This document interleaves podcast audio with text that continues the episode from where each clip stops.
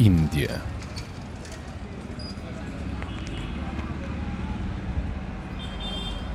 W tym roku zmagają się z bezprecedensową falą upałów.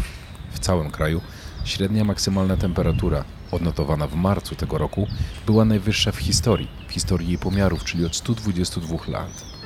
Chyba nikogo nie zdziwi, że jest to po prostu wyraźny wskaźnik zmian klimatycznych. I właściwie, dlaczego mówimy o zmianach?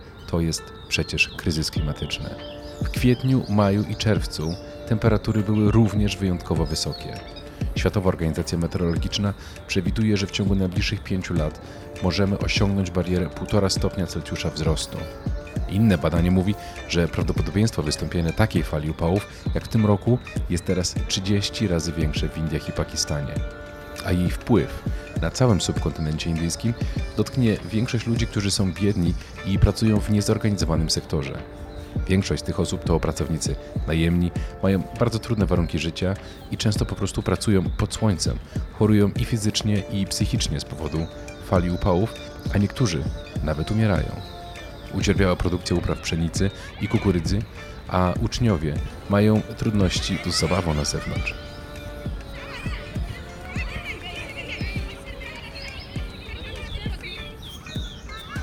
Tym odcinku porozmawiamy z ekspertami z Indii, kierowcami riksz, pracownikami na budowach czy osobami pracującymi w kuchni i na roli.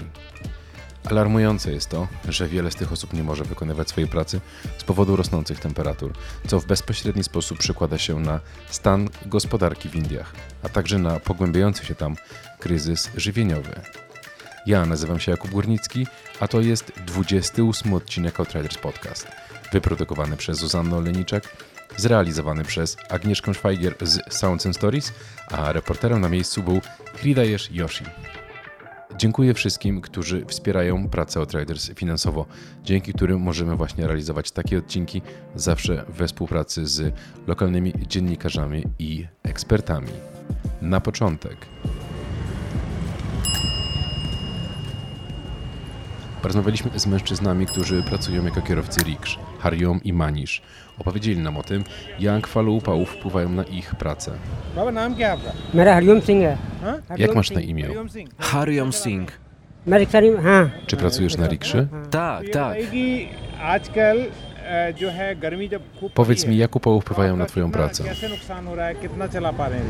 कैसे नुकसान हो रहा है कितना चला पा रहे हैं रिक्शा अब ऐसा है सुबह सुबह तो ठंडे ठंडे में थोड़ा बहुत तो हो जा रहा है और दोपहर में Obecnie तो भाई możemy ग्यारह zarabiać बजे tylko से लेके 200 do चार बजे तक 250 पूरा rupii पाता dziennie, है। 12-15 zł. Jak przetrwalibyśmy z tak niewielkimi zarobkami? घर का खर्चा चले और वैसे कितना आप Ile byś कमाते zarobił, अगर gdyby ये- nie było fali upałów? मौसम मौसम ठीक रहता है तो Gdyby कभी pogoda चार była बजे chłodna, से moglibyśmy जाते हैं। zarobić około 400 do 500 rupii dziennie, to 24 do 30 zł, ale w tym upale nie jest to możliwe. Nasze zarobki spadły o आप- połowę. आप बताओ अपना नाम Jak masz na imię? Joginder. हाँ, आप बताइए बात कितने गर्मी से Powiedz mi, jak obecne upały wpływają na Twoją pracę? पूरी बात बताओ आप बोलो ना मेरी आवाज नहीं जाएगी Strata jest duża. Nie zarabiamy więcej niż 250 rupii dziennie, to 15 zł. To połowa naszych normalnych कितना zarobków. नुकसान है रुपए में कितने रुपए कितना नुकसान है आधा नुकसान है या कितना नुकसान है आधा से ज़्यादा नुकसान Wiele osób, które tu pracowały, wróciło do swojego rodzinnego stanu, ponieważ w tym upale nie mają nawet klientów, więc nie zarabiają. Te riksze dostajemy na wynajem, a teraz nie możemy zarobić na opłacenie dziennego czynszu tego pojazdu. Za jedną rikszę dziennie zapłacimy około 50-60 rupii. Czasami opona się przebije, więc musimy na to wydać nasze pieniądze. Dlatego większość pracowników wróciła do domu. Zacząłem dosyć negatywnie, ale spójrzmy na to, jakie są podejmowane działania na rzecz ostrzegania i walki z upałami. Jeden z naszych dzisiejszych gości i ekspertów to Abiyant Tiwari, współtwórca planu walki z falą upałów oraz na co dzień współpracownik Indyjskiego Instytutu Zdrowia Publicznego w rejonie Gujarat. Opowiada, że pierwszy taki plan walki powstał jeszcze w 2013 roku. Z każdym kolejnym był rewidowany i poprawiany, tak żeby pomóc lokalnej społeczności. Proszę objaśnić problem dotkliwych fali upałów jak to się stało, że w tym roku upał tak bardzo dał się we znaki. Jest to bardzo aktualne pytanie, które każdy powinien sobie zadać, ponieważ panuje ogólne przekonanie, że fale upałów nie są tak niebezpieczne jak inne katastrofy naturalne. Faktem jest, że fale upałów są równie, a może nawet bardziej niebezpieczne, a zwłaszcza gdy obserwujemy, że z każdym rokiem zaczynają się wcześniej z powodu zmian klimatycznych i globalnego ocieplenia. Staje się to ważniejszą kwestią, na którą wszyscy powinniśmy zwrócić uwagę i zająć się nią. A jeśli chodzi o fakty, to w rzeczywistości jest to największy naturalny zabójca wśród wszystkich katastrof naturalnych, także w Ameryce. To fale upałów powodują maksymalną liczbę zgonów wśród wszystkich klęsk żywiołowych, nawet w Ameryce. Możemy więc sobie wyobrazić, jak wyglądałaby sytuacja w innych częściach świata. Jest to więc poważna katastrofa naturalna, na którą musimy uważać. Uh, Jest pan członkiem zespołu, który przygotował pierwszy indyjski plan działań w razie upałów. Proszę powiedzieć, jaka grupa wiekowa, jakie osoby są najbardziej narażone na, na tę falę?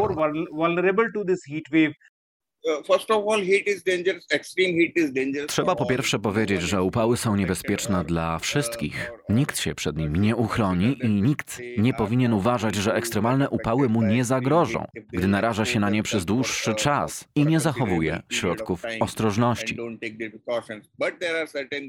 Ale są pewne grupy, są pewne części naszej społeczności, naszego społeczeństwa i osoby bardziej narażone na niebezpieczeństwo, czy to ze względu na warunki społeczno-demograficzne, czy ze względu na charakter tego, co robią.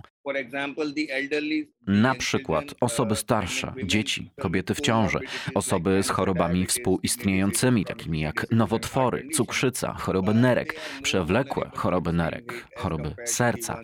Są oni bardziej narażeni na ekstremalne upały w porównaniu z młodymi i zdrowymi osobami dorosłymi.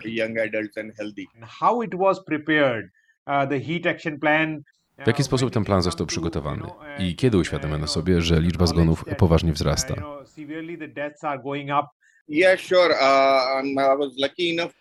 Miałem okazję pracować nad pierwszym planem działań w razie upału w Azji Południowej, które opracowaliśmy i wdrożyliśmy jeszcze w 2013 roku w mieście Ahmadabad, które znajduje się w zachodniej części kraju, w indyjskim stanie Gujarat.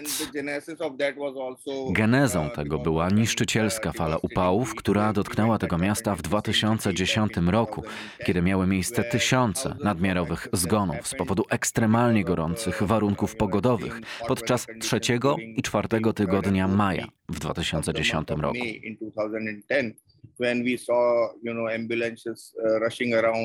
Kiedy widzieliśmy karetki pogotowia pędzące po ulicach miasta, oddziały pogotowia ratunkowego zalewane przez pacjentów z powodu chorób związanych z upałem, możemy sobie wyobrazić to kompletne spustoszenie albo taką sytuację, jaką widzieliśmy podczas epidemii koronawirusa, która może nie była taka zła, ale podobna do tego, co widziano w 2010 roku podczas fali upałów w mieście Ahmadabad.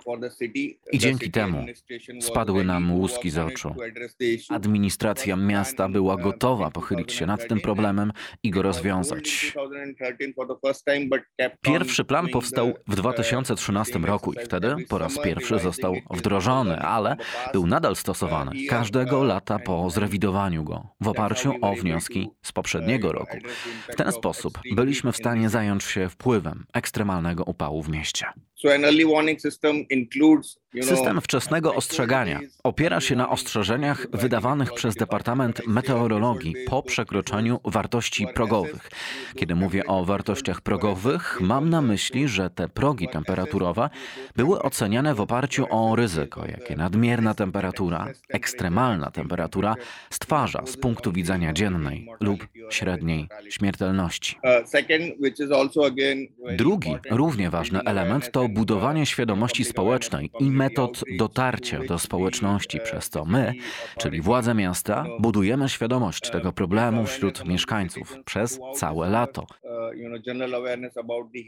Chodzi o ogólną wiedzę na temat upałów, jak bardzo są niebezpieczne i jakie środki ostrożności ludzie powinni ogółem podjąć. Są to również programy pomocy społecznej w ramach tej samej interwencji, skierowane do społeczności docelowych, o których właśnie mówiliśmy, i tych najbardziej narażonych, jak sprzedawcy uliczni, policjanci kierujący ruchem, mieszkańcy slumsów, osoby z chorobami współistniejącymi, osoby starsze i dzieci oraz kobiety w ciąży. Czy zastosowanie go przyniosło korzyści? Czy inne regiony Indii również wyciągnęły z tego wnioski? Udokumentowaliśmy nasze wyniki i bardzo zachęcające było to, że wszystkie te starania zdołały pomóc miastu w zmniejszeniu śmiertelności z powodu upałów o ponad 1100 przez prawie całą porę letnią, po wdrożeniu planu w razie upału dla Ahmadabadu. I były to zachęcające wyniki, które zostały uznane zarówno w regionie, jak i na arenie międzynarodowej, a także w kraju. Wiele innych stanów i miast w Indiach bierze przykład z Ahmadabadu i jego planów ochrony przed upałem, rozpoczynając opracowywanie swoich lokalnych planów ochrony przed upałem przy wsparciu swoich odpowiedników w Stanach i agencjach krajowych.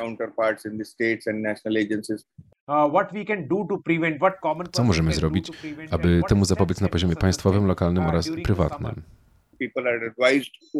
Ludziom zaleca się unikanie wyczerpujących prac w godzinach największego nasłonecznienia. I nawet jeśli wychodzą na zewnątrz, powinni podjąć środki ostrożności. Wziąć ze sobą butelkę wody, parasol lub nosić nakrycie głowy i zrobić odpowiedni odpoczynek. Robotnikom zaleca się nie pracować w godzinach popołudniowych.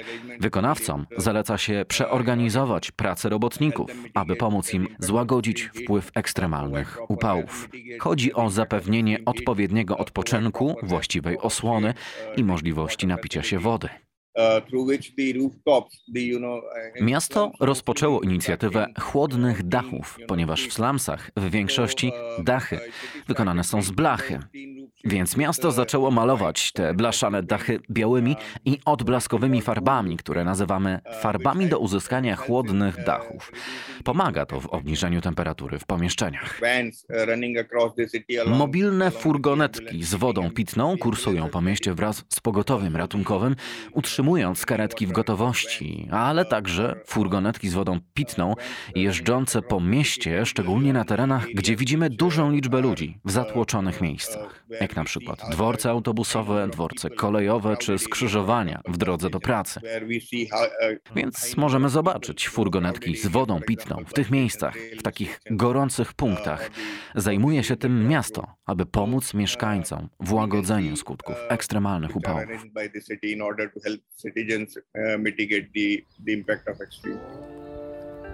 Jak wskazuje Tiwari, udokumentowaliśmy nasze wyniki badań nad planem awaryjnym w zakresie fal upałów i bardzo zachęcające było to, że wszystkie te starania zdołały pomóc miastu w zmniejszeniu śmiertelności. Wiele innych stanów i miast w Indiach bierze przykład z Ahmadabadu i jego planów ochrony przed upałem.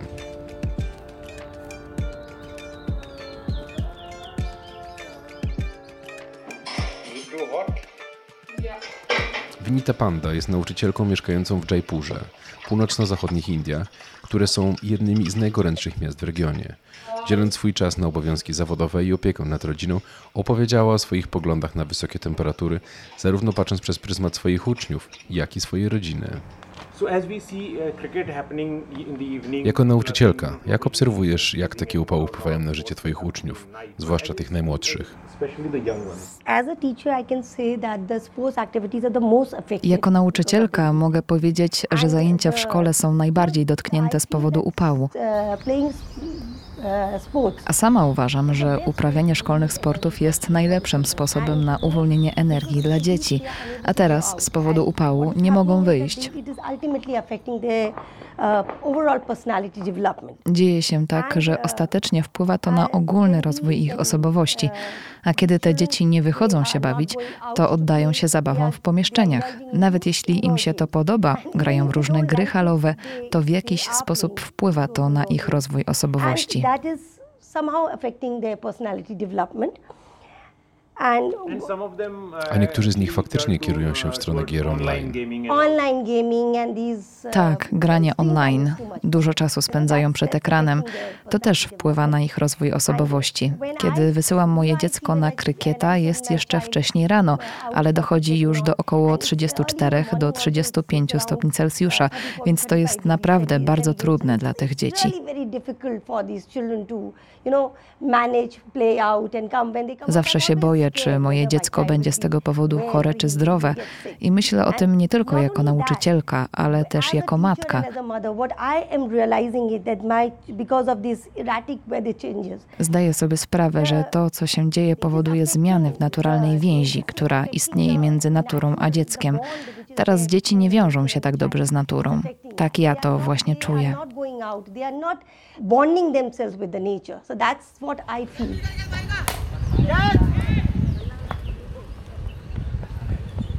So, um,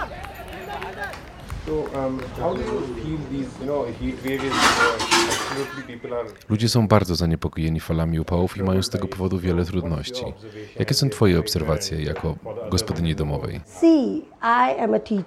Widzisz, jestem nauczycielką, ale także gospodynią domową, więc muszę opiekować się moją rodziną. Dlatego muszę spędzić trochę czasu w kuchni, kilka godzin.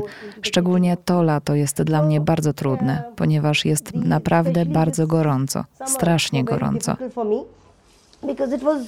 Really very hot. It was terribly hot. Spending hours in the kitchen was very, very difficult.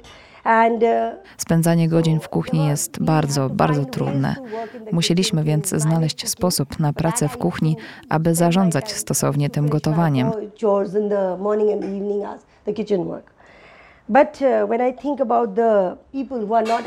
Ale kiedy myślę o ludziach, którzy nie są tak uprzywilejowani jak ja, to wiem, że te kobiety naprawdę cierpią. Pracują w upale rano i wieczorem i po prostu muszą zapomnieć o dniach, kiedy jest bardzo, bardzo gorąco. Noce są jednak również bardzo, bardzo gorące. To bardzo trudne, kiedy myślę o tych naprawdę nieuprzywilejowanych ludziach, jak bardzo to trudna praca. Ona powoduje dużo nieszczęścia. Uh, think about them when they're going out and working during the days. It's miserable for them.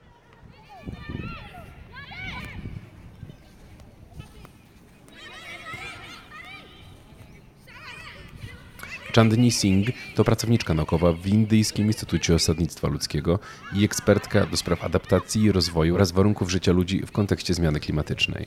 Wskazuje, że gdy mówimy o tych ekstremalnych upałach, wspominamy, że musimy się dostosować, a jednym ze sposobów dostosowania się jest chłodzenie miejsc, w których przebywamy.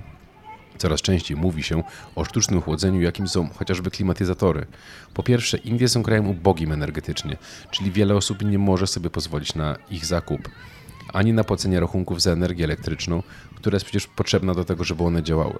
Uważam więc, że jest to bardzo nierówne rozwiązanie i naprawdę musimy przenieść rozmowę z przystosowania się do tego strasznego upału na podstawową przyczynę problemu, jaką jest i łagodzenie skutków zmian klimatu. Pracowała Pani przy szóstym raporcie IPCC o fali upałów i ich skutkach na subkontynencie indyjskim. Jakie są główne jego znaleziska? First thing is that in the IPCC assessment report 6 W raporcie oceniającym IPCC w wersji szóstej bardzo jasno widać, że obecnie istnieją bardzo wyraźne dowody na to, że fale upałów nasilają się w całej Azji Południowej, a więc we wszystkich krajach Azji Południowej. Jeśli spojrzeć w przyszłość globalnego ocieplenia, tak jak to się dzieje obecnie, będziemy świadkami dłuższych fal upałów. Będą one częstsze i pojawią się wcześniej w ciągu roku. Tak więc po stronie ryzyka upały będą nadal istotnym elementem w całych Indiach i Azji Południowej. Kolejną sprawą, na którą zwracamy uwagę, jest to, że upały nie dotykają wszystkich wszystkich w równym stopniu i są takie źródła utrzymania, co obejmuje robotników rolnych lub ludzi pracujących na zewnątrz, na przykład sprzedawców ulicznych czy robotników budowlanych, które wiążą się z mocniejszym odczuwaniem upałów. Ludzie, którzy albo mieszkają w miejscach, które nie są dobrze wentylowane, którzy nie mają dostępu do zieleni, na przykład w bardzo gęsto zabudowanych miastach lub w biednych osiedlach, które są bardzo gęsto zaludnione, albo ludzie, którzy nie mają dostępu do systemów chłodzenia, czyli klimatyzatorów lub wentylatorów. To na nich bardziej wpłynie ten upał. Więc myślę, że problem leży mniej po stronie ryzyka, a bardziej po stronie możliwości bardziej dotkniętych osób i pacjentów, ponieważ w przeciwieństwie do innych, niektórzy ludzie nie mogą się dostosować. Czy można porównać warunki panujące w Europie, Indiach i na subkontynencie indyjskim? Zarówno w Ameryce, jak i w Europie widzieliśmy miejsca, gdzie temperatura w tym roku była wyjątkowo wysoka. W przypadku ocieplającej się planety na całym świecie będziemy obserwować rosnące ciepło. Często mówimy o Europie i Ameryce, ale w tym roku, w lutym i marcu, na biegunach w Arktyce i Antarktyce wystąpiły bardzo wysokie fale upałów i były to naprawdę bardzo ostre upały w porównaniu z ich średnią temperaturą. Na całym świecie obserwujemy więc coraz większe gorąco. Jedyne, co mi się nasuwa w kwestii porównywania innych regionów z Indiami czy Azją Południową, to że owszem, można zrobić takie porównanie pod względem temperatury bezwzględnej, ale rzeczywistość naszej populacji jest zupełnie inna. Mamy dużo więcej osób pracujących na zewnątrz. Mamy mniejsze możliwości zarówno od strony energetycznej, ale także od strony dochodowej, aby rzeczywiście chłodzić nasze domy i biura. biura. Wiele osób jest nadal narażonych, jak na przykład robotnicy rolni. Jak Pani zdaniem mogą radzić sobie z upałami ludzie pracujący w polu i na budowach, dla których upały są najgroźniejsze? Czy w jakikolwiek sposób mogą się zaadaptować? W odniesieniu do adaptacji zwykle mówię o tym, że istnieją sposoby przystosowania. Jednym z nich jest dostosowanie infrastrukturalne. Musimy zmienić sposób budowania naszych budynków, zapewnić lepszą wentylację, upewnić się, że używamy materiałów, które nie zatrzymują ciepła, na przykład żadnych szklanych fasad, które są wielokrotnie używane w indyjskich miastach. Innym sposobem jest oczywiście rozwiązanie oparte na przyrodzie, a więc wykorzystanie takich rozwiązań jak zieleń, uprawa drzew, zielone dachy, tego typu strategie, dużo więcej miejskich parków. Kolejny blok działań adaptacyjnych dotyczy budowania świadomości, zapewnienia systemów wczesnego ostrzegania przed upałami, wprowadzenia ostrzeżeń przed upałami. I tu Indie zrobiły moim zdaniem bardzo dużo. Jesteśmy właściwie dość do przodu, jeśli porównać z innymi sąsiednimi krajami. Trzeba jednak zrobić o wiele więcej, bo jedna sprawa to powiedzieć ludziom o zagrożeniu upałem lub zdarzeniu pogodowym czy fali upałów, ale co oni potem właściwie zrobią z tą informacją? A inny filar dotyczy zmian instytucjonalnych. Jak wszystkie nasze departamenty rządowe, ale nawet sektor organizacji pozarządowych połączą siły i jakiego rodzaju zdolności ludzkie są potrzebne, aby naprawdę poradzić sobie z upałem. I tu zwykle zawsze podkreślam potrzebę większego zaangażowania środowiska lekarskiego. Na kierunkach medycznych powinny odbywać się kursy na temat radzenia sobie z upałem i udarami cieplnymi oraz środków zapobiegawczych. Kiedy mówimy o tych ekstremalnych upałach, wspominamy, że musimy się dostosować, a jednym ze sposobów dostosowania się jest chłodzenie miejsc, w których przebywamy. Coraz częściej mówi się o sztucznym chłodzeniu, jakim są klimatyzatory. Po pierwsze, Indie są krajem ubogim energetycznie, czyli wiele osób nie może sobie pozwolić na klimatyzację, ani na zakup klimatyzatorów, ani na płacenie rachunków za energię elektryczną, która jest potrzebna do klimatyzacji kondycji. Uważam więc, że jest to bardzo nierówne rozwiązanie i naprawdę musimy przenieść rozmowę z przystosowania się do tego strasznego upału na podstawową przyczynę problemu, jaką jest łagodzenie skutków zmian klimatu.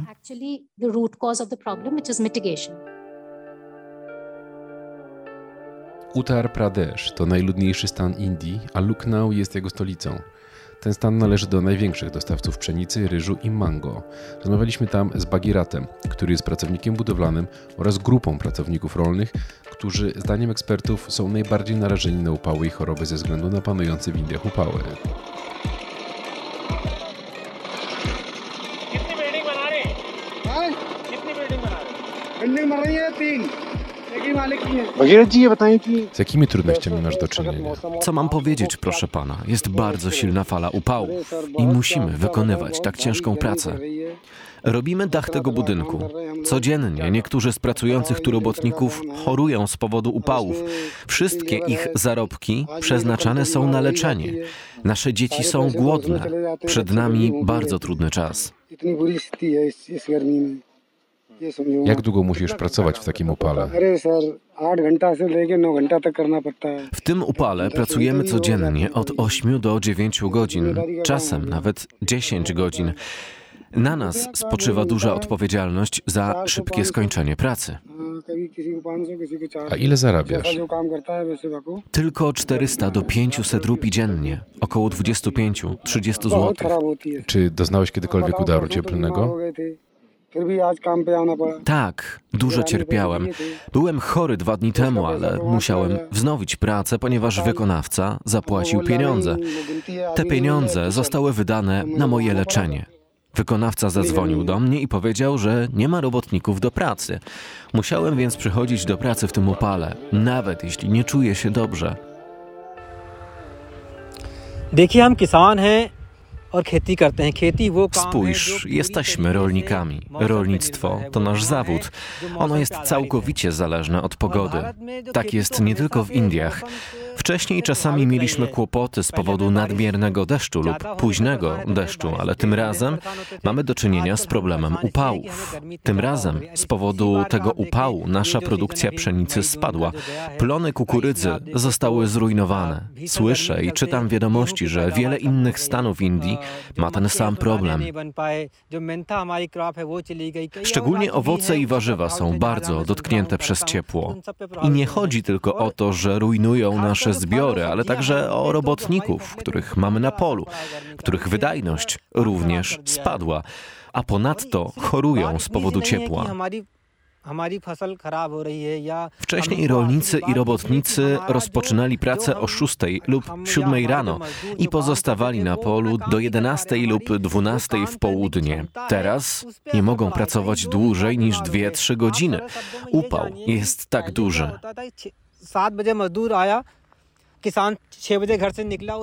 Nie jesteśmy w stanie wykonać tyle pracy, ile robiliśmy wcześniej.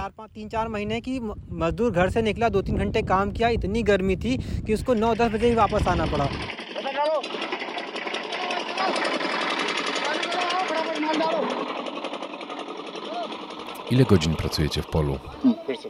Bardzo Oj, ja normalnie pracowałbym 8 godzin, ale teraz dni są długie, więc musimy pracować nawet do 14 godzin. Zaczynamy o 7 rano i pracujemy do 6, 7 wieczorem. Czy źle się czujecie w takim upale? Tak, kto toleruje takie upały?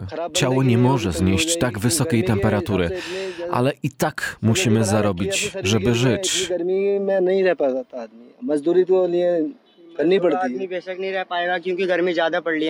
Upał jest tak duży, że ludzie naturalnie chorują, ale my jesteśmy biednymi ludźmi i musimy pracować, aby nas wyżywić, nawet w tym upale. Jakie są objawy takiej choroby? Bardzo źle się czujemy i tracimy apetyt w tym upale. A mimo wszystko nadal pracujecie? To wszystko dla utrzymania. Jeśli nie zarobimy, to nie będziemy mieli co jeść.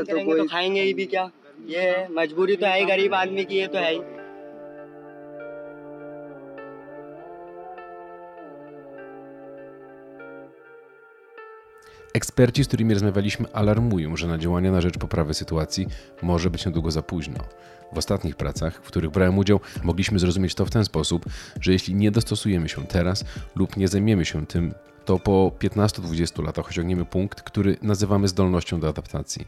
Zatem nawet gdybyśmy po 20 latach zechcieli się przystosować, już nie będziemy w stanie, ponieważ zmiany klimatu będą tak zaawansowanym zjawiskiem, że byłoby to absolutnie niezwykle trudne. To jest po prostu sprawa numer jeden.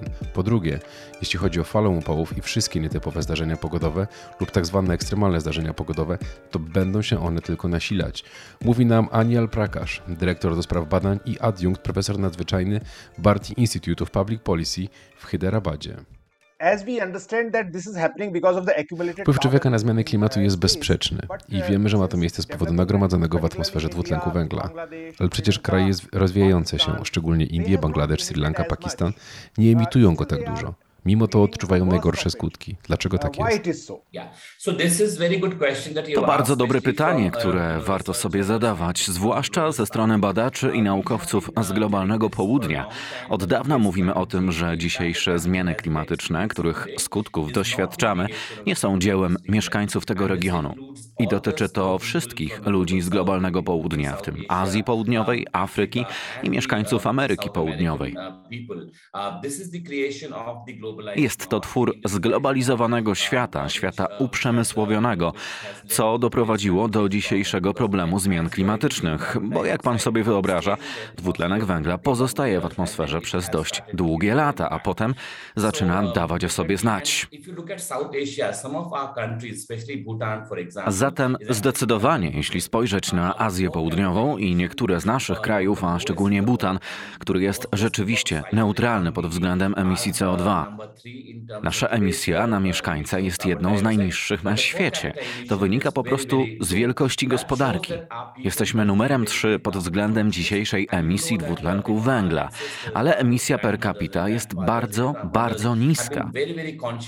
To pokazuje, że nasi mieszkańcy są bardzo uświadomieni w kwestii emisji CO2. A wiem, że nasi przodkowie, nasze babcie i dziadkowie, a nawet nasze matki bardzo świadomie podchodzili do kwestii ponownego wykorzystania, recyklingu i tego, jak z góry nie generować odpadów.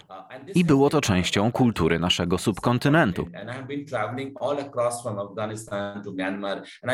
Podróżowałem po całym tym obszarze, od Afganistanu po Myanmar i widzę bardzo podobną kulturę, czyli Powiedziałbym, że wkład, który wnieśliśmy, jest najmniejszy, ale odczuwalny wpływ najsilniejszy. Wynika to z lat niedostatku, przez które przeszliśmy i wciąż się z tym zmagamy.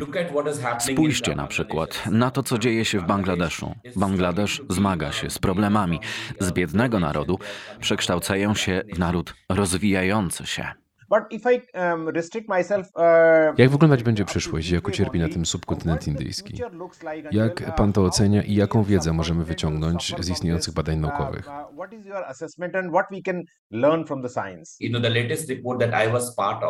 W ostatnich pracach, w których brałem udział, mogliśmy zrozumieć to w ten sposób, że jeśli nie dostosujemy się teraz lub nie zajmiemy się tym teraz, to po 15-20 latach osiągniemy punkt, który nazywamy zdolnością do adaptacji Zatem nawet gdybyśmy po 20 latach zechcieli się przystosować, już nie będziemy w stanie, ponieważ zmiany klimatu będą już tak zaawansowanym zjawiskiem, że byłoby to niezwykle trudne. Więc to jest numer jeden. Po drugie, jeśli chodzi o fale upałów i wszystkie nietypowe zdarzenia pogodowe lub tak zwane ekstremalne zdarzenia pogodowe, to będą się one tylko nasilać. Nie jesteśmy niestety bezpieczni w Azji Południowej. Spójrzmy na geografię. Na północy mamy region Himalajów. Mamy ogromny centralny region, który dotyka fala upałów, a do tego mamy długą linię brzegową, którą również wpływa częstotliwość występowania cyklonów. Widzimy, że częstotliwość będzie wysoka, a miejsce oddziaływania bardzo rozległe. Widać wyraźnie, że to zjawisko związane ze zmianami klimatycznymi i musimy po prostu działać. I na tym polega cały problem, że społeczność globalna musi się zjednoczyć, musi przyjąć do wiadomości, w jakich warunkach żyjemy i musi podjąć działania.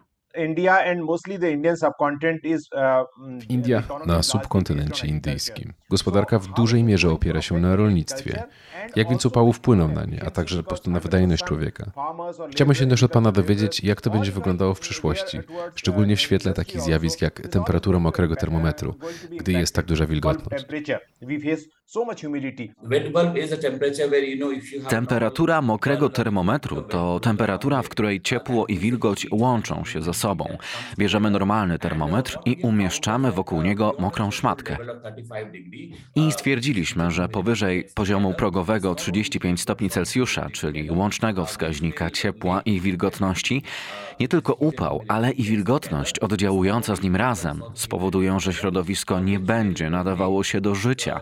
Gatunek ludzki nie będzie mógł tu żyć, jeśli temperatura będzie przekraczała 35 stopni. Wracając do pytania w kontekście tego, jak to wpływa na rolnictwo.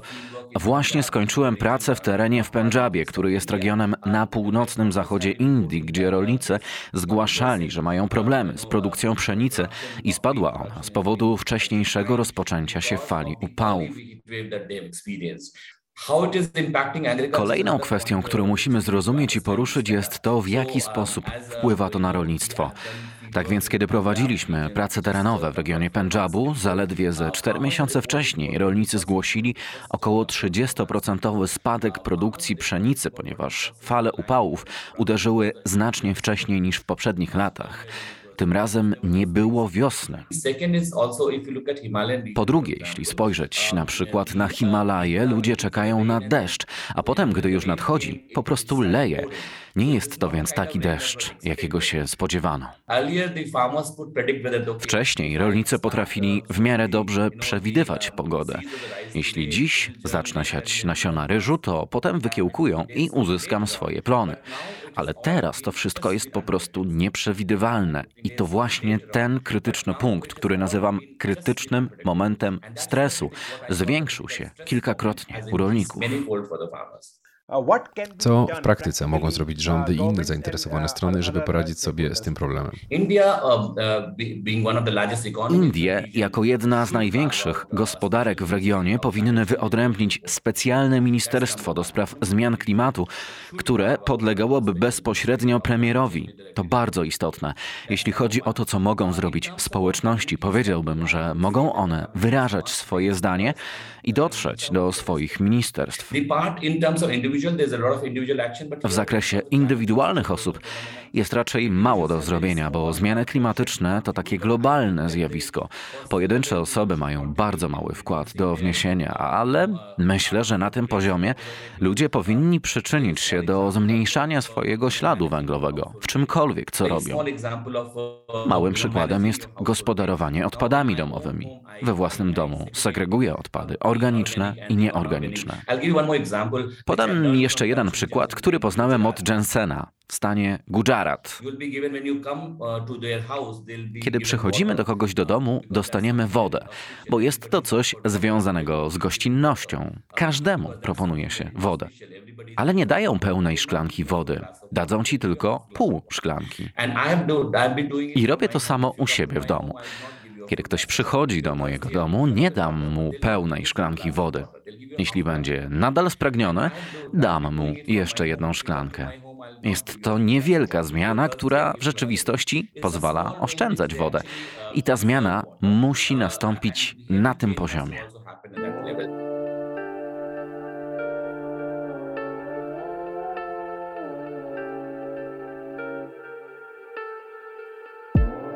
To był 28 odcinek Outriders Podcast.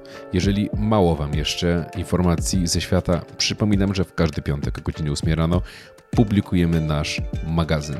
Grzegorz Kurek i Janna Górnicka już nad nim pracują i zresztą jak co tydzień, a w nim oczywiście znajdziecie 8 różnego rodzaju historii z całego świata. Także jeśli jeszcze nie czytacie, zajrzyjcie na naszą stronę i zapiszcie się do niego. Tymczasem bardzo dziękuję za dotrwanie tutaj do samego końca.